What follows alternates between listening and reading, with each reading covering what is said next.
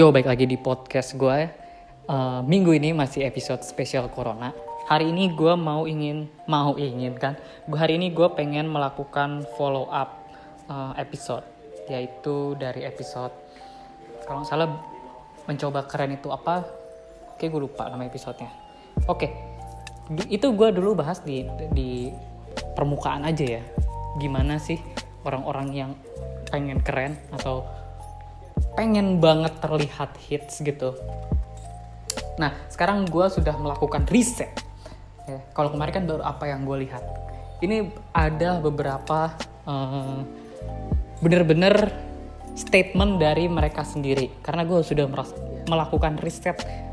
Gue udah nanya detail sorry gue nggak bisa bawa ke sini orangnya karena gue nanya banyak orang dan karena gue harus pilih-pilih orang juga karena karena kenapa karena kalau gue salah pilih orang yang ada tuh orang tersinggung gitu kan mana ada sih orang yang mau dibilang sok keren atau uh, apa namanya uh, atau kepengen hits gitu kan pasti orang marah jadi gue bener-bener harus pilih orangnya yang tepat tepat tepat banget nah waktu itu gue gue ulas lagi sedikit ya gue memberikan nama penyakit inilah penyakit Jakarta Nian Syndrome.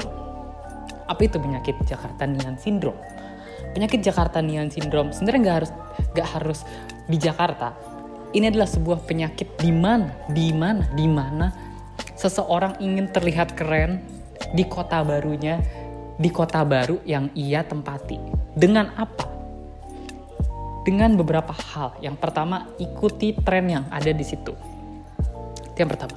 Yang kedua, memakai baju atau uh, outfit fashion orang-orang yang ada di situ di kota itu. Yang ketiga nongkrong di tempat-tempat gaul di kota itu. Itulah yang gue bilang Jakarta Nian Syndrome. Nah itu udah gue kasih nama tuh. Ini udah udah epic banget deh pokoknya. Jadi kalau lu berada di suatu kota dan lu mencoba uh, untuk bener-bener uh, mencari exposure di situ itu namanya Jakarta Nian Syndrome. Bedanya sama adaptasi apa sih? Nah ini pertanyaan yang kemarin muncul waktu gue ngomongin ini. Bedanya adaptasi adalah adaptasi lu berbaur dengan mereka. Hanya berbaur, hanya berbaur. Tapi kalau Jakarta Nian Syndrome ini, lu mencari sebuah spotlight. Lu mencari sebuah uh, nama, lu mencari sebuah ketenaran di situ. Ingin dipandang, ingin dilihat oleh orang-orang sekitar situ. Gak mau kelihatan cupu dan lain-lain. Itu bedanya. Jadi kalau lu hanya melakukan apa yang mereka lakukan secara normal, itu menurut gue adaptasi. Tapi kalau lu melakukan apa yang mereka lakukan dan lu lebay, lu lebay nih ya, uh, itu namanya lu kena Jakarta Nian Syndrome. Gimana sih? Karena gue mau cerita lagi balik. Pertama gue kuliah. Ini ber berasa banget dari awal gua kuliah. Dari SMA ya. Gue itu udah ser sering, sorry, sering uh, bolak-balik ke Jakarta. Karena keluarga besar gue di Jakarta dan gue suka main sama saudara gue di Jakarta. Jadi gue sudah memang suka bolak-balik ke Jakarta. Dan uh, dulu gue belum belum gue gimana ya? Gue tuh ingin men mencapkan gue diri gue sendiri sedikit Jakarta gitu Syndrome tapi nggak gitu juga. Dulu gue orangnya kurang bukan kurang fashionable hanya saja gue orangnya sangat monoton dalam urusan fashion. Kaos celana sepatu kaos celana sepatu kaos celana sepatu selesai. Kaos celana sepatu kaos celana sepatu asalkan warnanya sama good to go. Rambut begitu-begitu terus nggak pernah berubah. Itu dulu sebelum SMA bahkan gue nggak peduli dengan fashion bodo amat. Gue apa yang mau gue pakai yang penting asal nyantol aja di badan. Nah pertama gue kuliah gitu. Uh, gue itu orangnya kan suka suka ada main pendek dan main panjang gitu kan. Kalau main pendek itu gue uh, insya Allah selalu available selama selama gue di rumah. Jam berapapun asalkan jangan terlalu malam banget gitu ya asalkan masih dekat rumah. Untungnya rumah gue di tengah kota jadi dekat ke mana-mana. Pusat perbelanjaan kafe dan lain-lain tuh deket. Tinggal lu ajak gue ke mana gue langsung jalan. Lu mau ngajak gue jam 8 skut 9 skut 10 skut tapi ya kalau lu ngajak jam 11 atau jam 12 ya keterlaluan juga gitu kan. Buat gue pribadi. Gue nggak akan mau.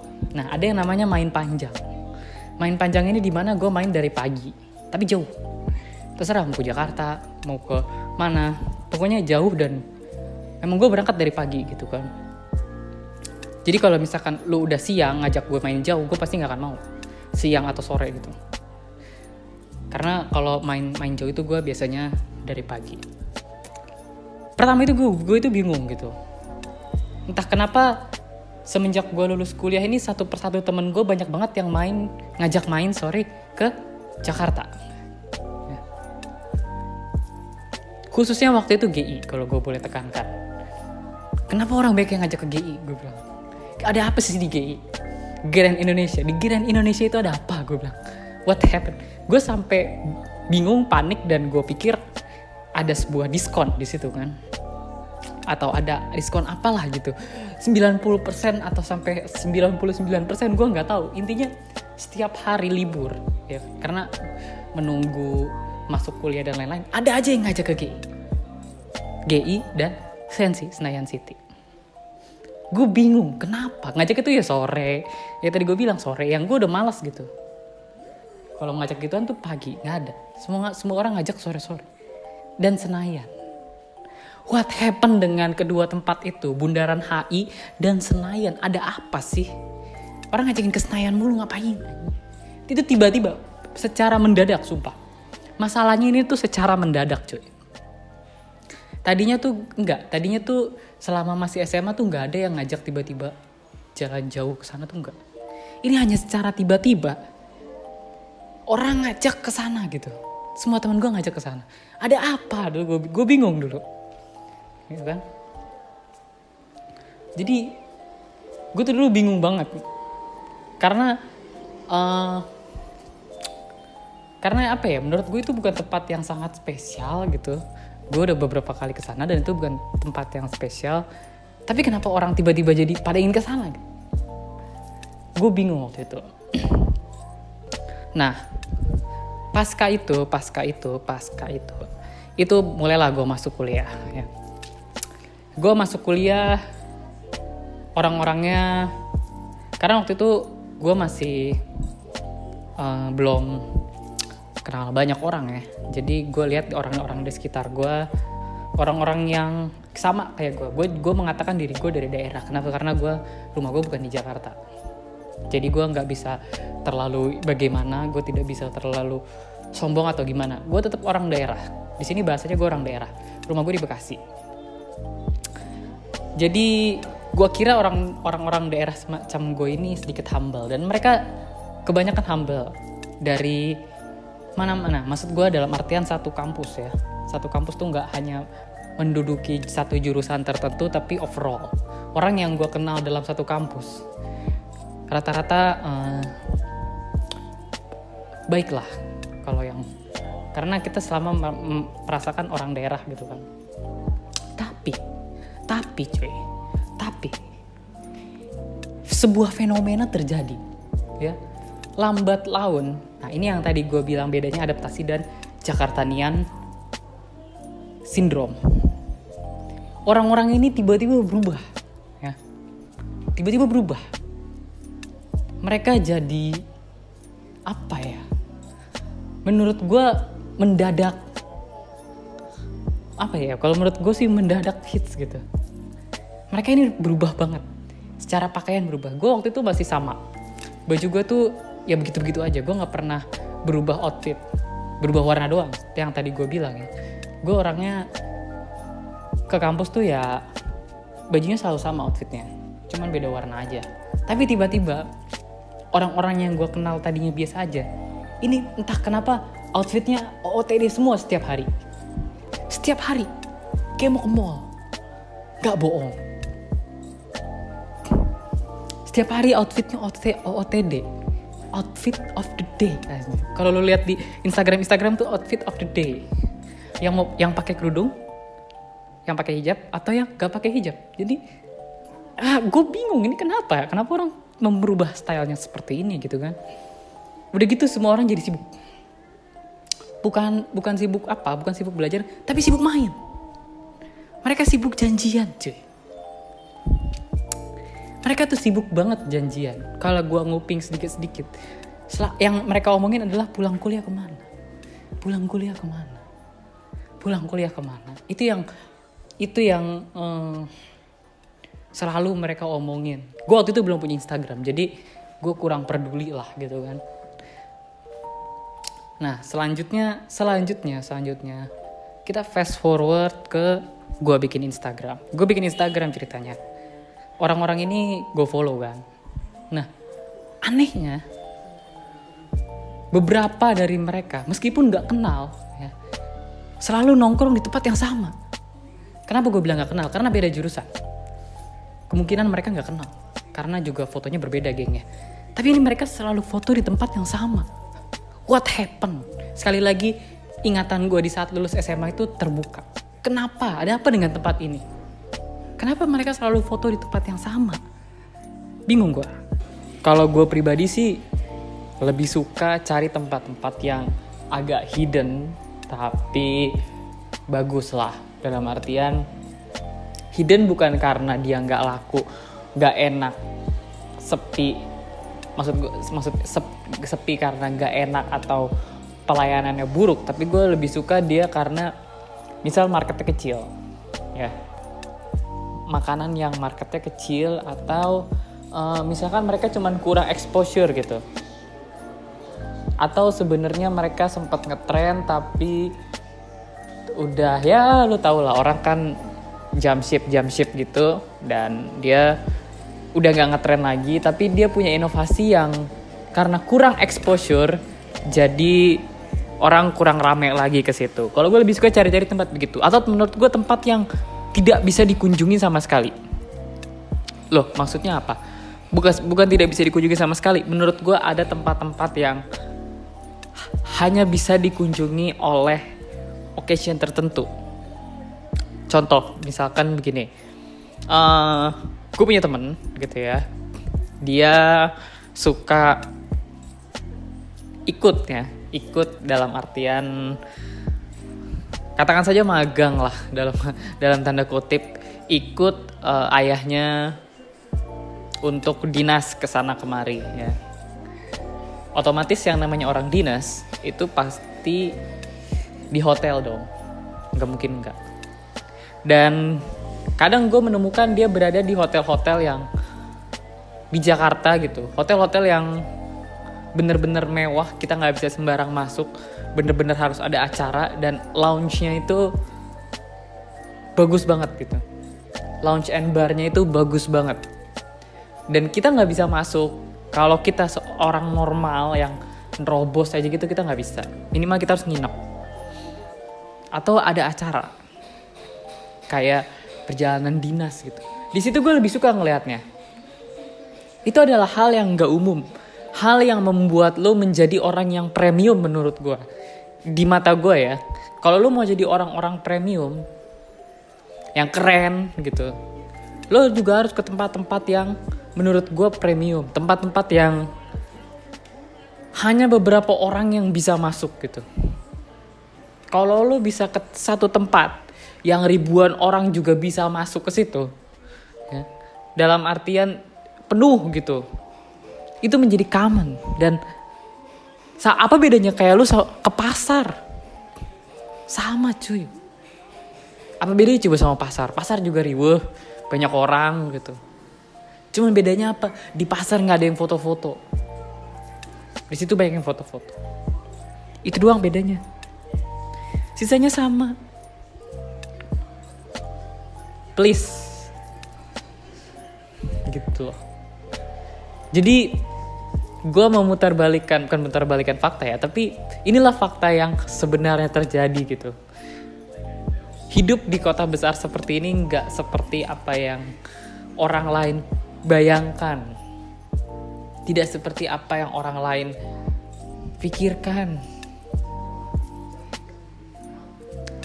Sama waktu itu gue awal nggak cuma di Jakarta aja tadi tadi gue udah bilang pertama kali gue kuliah gitu temen gue ngomong gitu ya. Temen gue emang real orang Jogja dan sekarang kuliah di UGM ceritanya.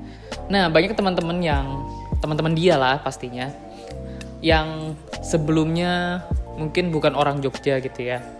Dan iya seperti itu. Pertama kali pertama kali ke Jogja pasti yang mereka cari adalah tempat-tempat hits di Jogja.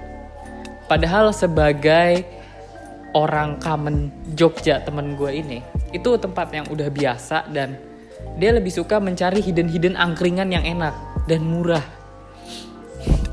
Angkringan yang hidden-hidden gitu loh. Dan ternyata enak dan ternyata murah. Dan ternyata friendly yang jual.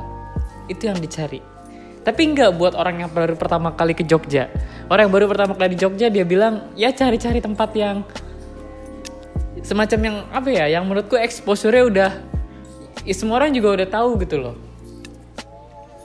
Jadi nggak ada kerennya kalau lu ke situ. Kecuali kalau lu turis ya.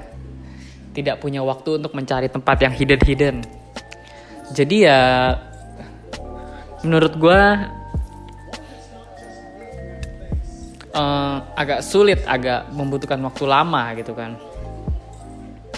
Kenapa sih gue suka banget ke tempat yang exposure-nya kurang gitu?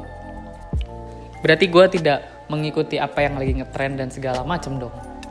Bukan begitu. Kalau menurut gue tem yang exposure-nya kurang dan bagus gitu ya. Itu mereka menurut gue layak mendapatkan uh, se sebuah apresiasi tertentu. Kenapa? Karena ada mereka nggak cuman just marketing gitu loh. Iya nggak sih? Lounge and bar di hotel tuh nggak butuh marketing. Mereka nggak butuh promo. Mereka nggak butuh diskon beli dua makanan gratis satu enggak. Dan mereka juga nggak bisa delivery gitu loh jadi lu nggak usah belagu kalau yang moto-moto kantong kresek delivery yang warna coklat terus gambarnya ada eh, itunya lah. itu sedang ngetren atau beberapa, beberapa tahun ke belakang ini. Suka banyak orang yang foto-foto ini ada antar kantong kresek coklat ya, yang kayak di luar negeri itu. Terus ada gambar ya itunya lah gitu. Lagi ngetren. Tapi menurut gue bukan itu yang bikin keren yang bikin keren adalah kalau masakan hotel bisa di delivery ke rumah lo. Itu baru keren menurut gue Gak bisa kan? Itulah kenapa beberapa restoran ya itu menurut gue premium gitu kan. Jadi kalau lo emang merasa ingin menjadi orang kota besar yang menurut gue uh, mendapatkan pengakuan gitu ya sebenarnya orang nggak butuh pengakuan sih kalau udah keren. Tapi kalau memang lu butuh pengakuan gue punya dua cara. Yang pertama datanglah ke tempat yang keren tapi kurang exposure. Kenapa? Karena lu kelihatan bahwa lu sudah pro sekali sudah sangat profesional menjelajah kota tersebut sampai lu bisa menemukan yang hidden hidden kalau lu masih main di tempat yang rame cuy nggak keren. Terus habis itu kecuali kalau lo memang suka tempat itu dan ya sudahlah. Itu gue tidak pemersa mempermasalahkan. Yang gue permasalahkan adalah di mana lu sebenarnya nggak lu tuh bukan reguler gitu loh. Lu tuh ke situ kalau lagi ada duit aja dan lu pengen famous itu yang jadi masalah buat gue banyak orang yang mengumpulkan duit untuk hanya bertengger di satu restoran dan ya mereka cukup pesan seadanya dan foto-foto selesai. Mereka bukan reguler, kecuali kalau lu memang reguler. Ada restoran mahal dan lu reguler gitu. Setiap setiap minggu atau dua minggu sekali lu ya ke situ. Itu menurut gua nggak masalah. Nah, atau kedua, lu cari tempat premium yang nggak bisa dijamah oleh orang, private. Ya. Kalau perlu lu uh, nginep sana, staycation di Kempinski atau di Shangri-La itu baru lu menjadi orang yang premium gitu. Dan lu beneran keren. Itu menurut gue nah sekarang apa bedanya episode ini dan episode sebelumnya?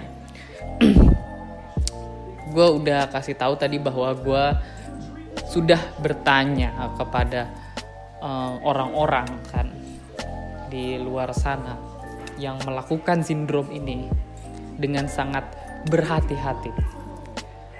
Hasil penelitian gue adalah beberapa, bukan beberapa sih, mayoritas dari mereka mengatakan hal-hal seperti berikut.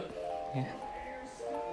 Yang pertama, riset tentang kota tujuan. Tem yang diriset apa? Tempat-tempat hits yang biasa dikunjungi. Set nah, setelah lu sampai, setidaknya, setidaknya lu ada bayangan kalau diajak, jangan kampung-kampung amat katanya. Nah, setelah lu sampai, lakukan apa yang native lakukan. Maksudnya apa? Kalau misalkan ada temen lu yang orang dari kota tersebut gitu ya. Misalkan lu kul baru kuliah di Jogja dan temen lu orang Jogja asli gitu. Ke mana pun dia nongkrong, itu lo harus ngikut. Dan yang terakhir apa pun yang mereka lakukan, lo harus ikut tujuannya apa tujuannya agar bisa menjadi uh, seorang uh, apa ya penduduk kota tersebut secara real ya secara secara biar kerasa gitu biar meletek kalau bahasa gue tuh biar baunya tuh kental banget gitu lu kayak bau apa ya kalau misalkan lu baru menduduki Jogja ya lu bau Jogja gitu. Kalau lu bau baru mendekati Semarang ya bau Semarang. Kalau lu baru mendekati Surabaya ya begitu dicium tuh aromanya orang Surabaya banget gitu kan. Tidak beda halnya dengan Jakarta. Kalau lu pulang ke kampung tuh kayaknya baunya orang Jakarta banget gitu.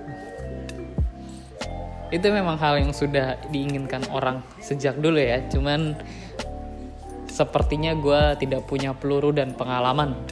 Jadi gue dari dulu hanya bisa melihat melihat melihat dan bingung. Baru sekarang gue punya jawabannya. Setelah melihat dan meriset langsung pastinya. Nah setelah mereka menjabarkan itu uh, eh, gue nanya gitu kan.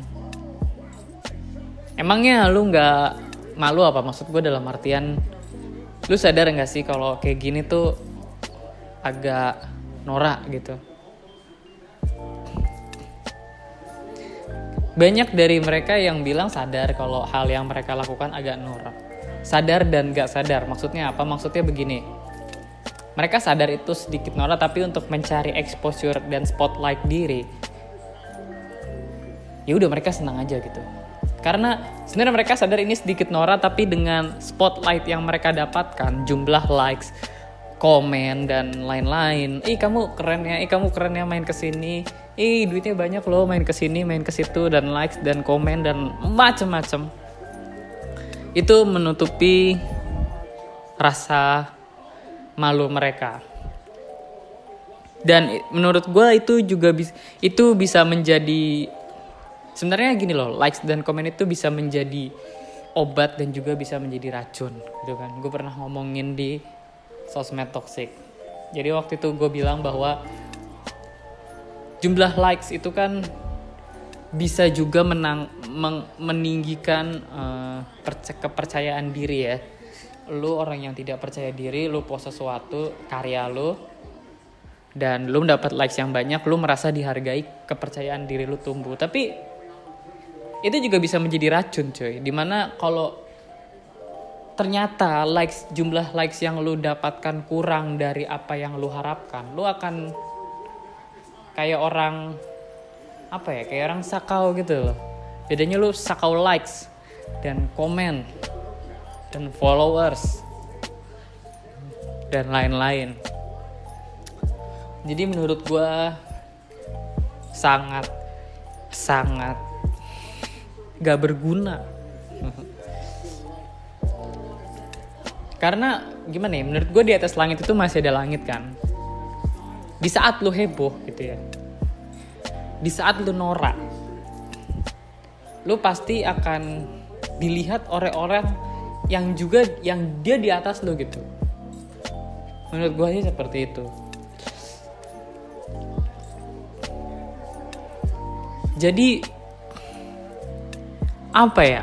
Kayak kalau gue ambil pengalaman pribadi aja ya. Dulu zaman zamannya gue norak gitu kan gue pernah sekali ngelihat scroll scroll dan melihat ada orang yang norak gitu.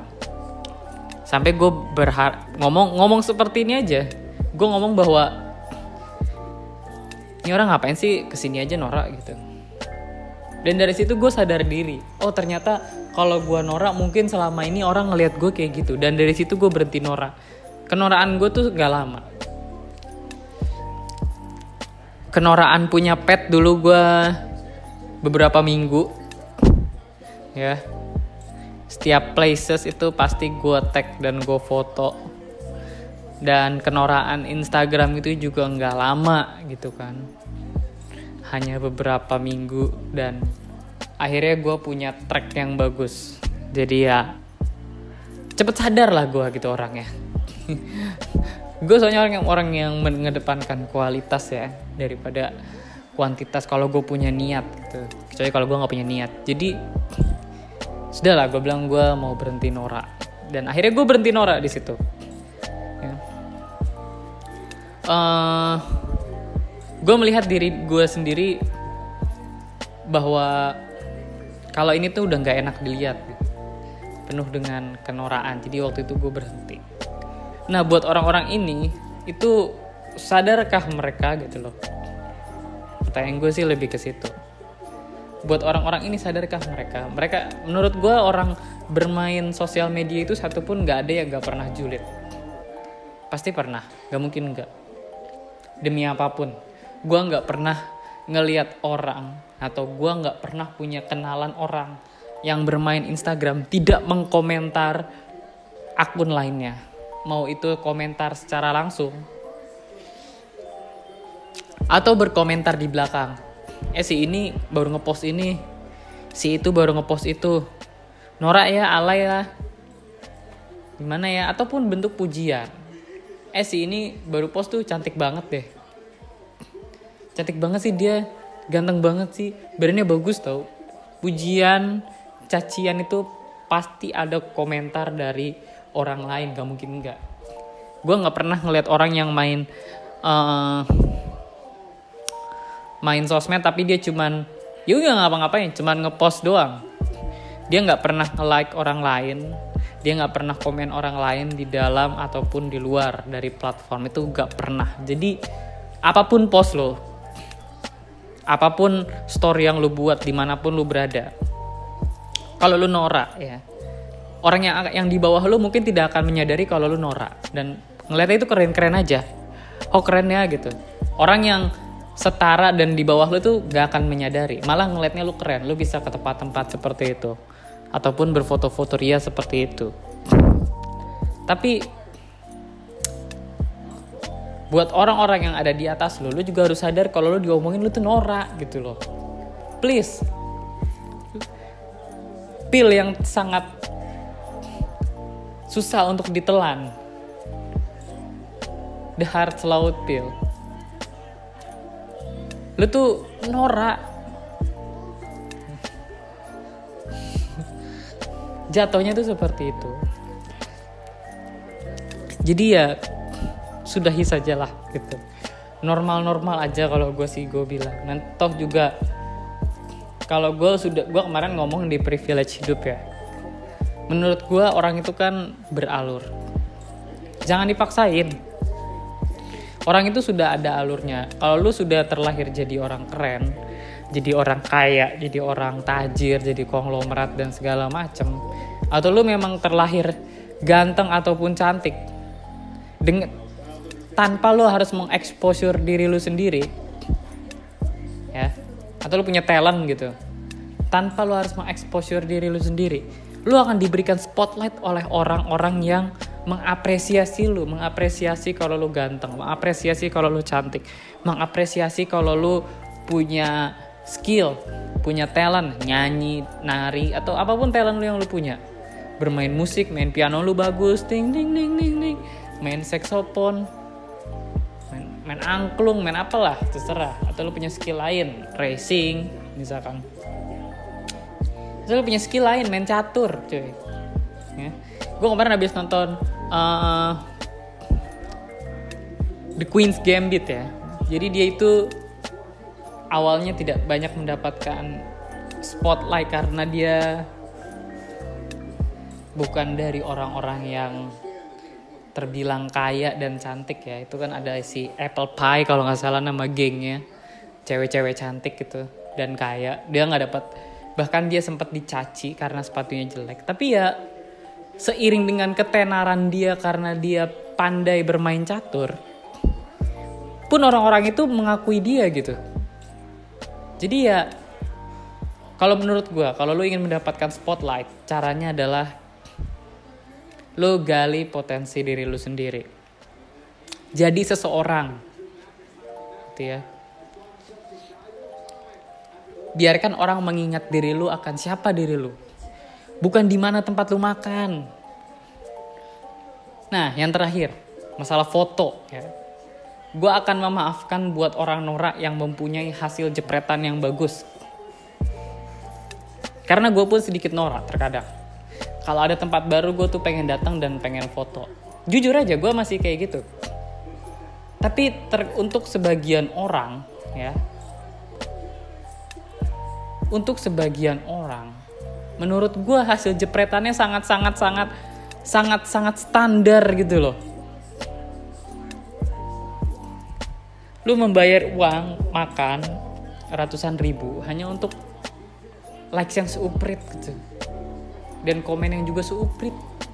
Kenapa? Foto lu standar. Sumpah standar banget. Tutorial tuh banyak. Gue itu kalau misalkan mau pergi ke tempat cari dulu tutorial let's say besok gue mau foto ke acara. Kayak dulu pertama kali ada yang namanya bukan ada yang namanya ya. Dulu lapangan banteng pertama kali diperbaiki. Orang pada ke lapangan banteng kan tuh. Termasuk gue jangan salah termasuk gue gue juga salah satu orang norak tersebut. Tapi apa sebelum malam sebelumnya gue itu riset dulu. Kira-kira foto urban itu gayanya angle-nya seperti apa dan yang khas di lapangan banteng apa? Keunikannya kah? Oh ternyata suasananya. Waktu itu gue memutuskan untuk gue menjadi 80s ya. pakai celana jeans di baju di kaos dimasukin. Dan ya menurut gue cukup bagus sih dan editannya filternya juga menurut gue cukup bagus. Jadi semuanya berkonsep gitu loh outfitnya dan lain-lain. Kalau outfit menurut gue outfit uh, angle dan pose ya itu dan juga filter terakhir itu yang paling penting menurut gue jadi kalau lu cuman datang berfoto seadanya, apalagi selfie doang, yang hanya mengedepankan muka lu dibandingkan suasana tempatnya, di rumah aja, gak usah ke mana-mana, gak guna atau enggak. Jadi segitu aja buat episode kali ini. Semoga banyak dari kalian yang yang sadar akan kenyataan pahit orang-orang yang mencari ketenaran ini. Jadi ya semoga mereka bisa cepat sadar lah dan sampai berjumpa di episode minggu depan bye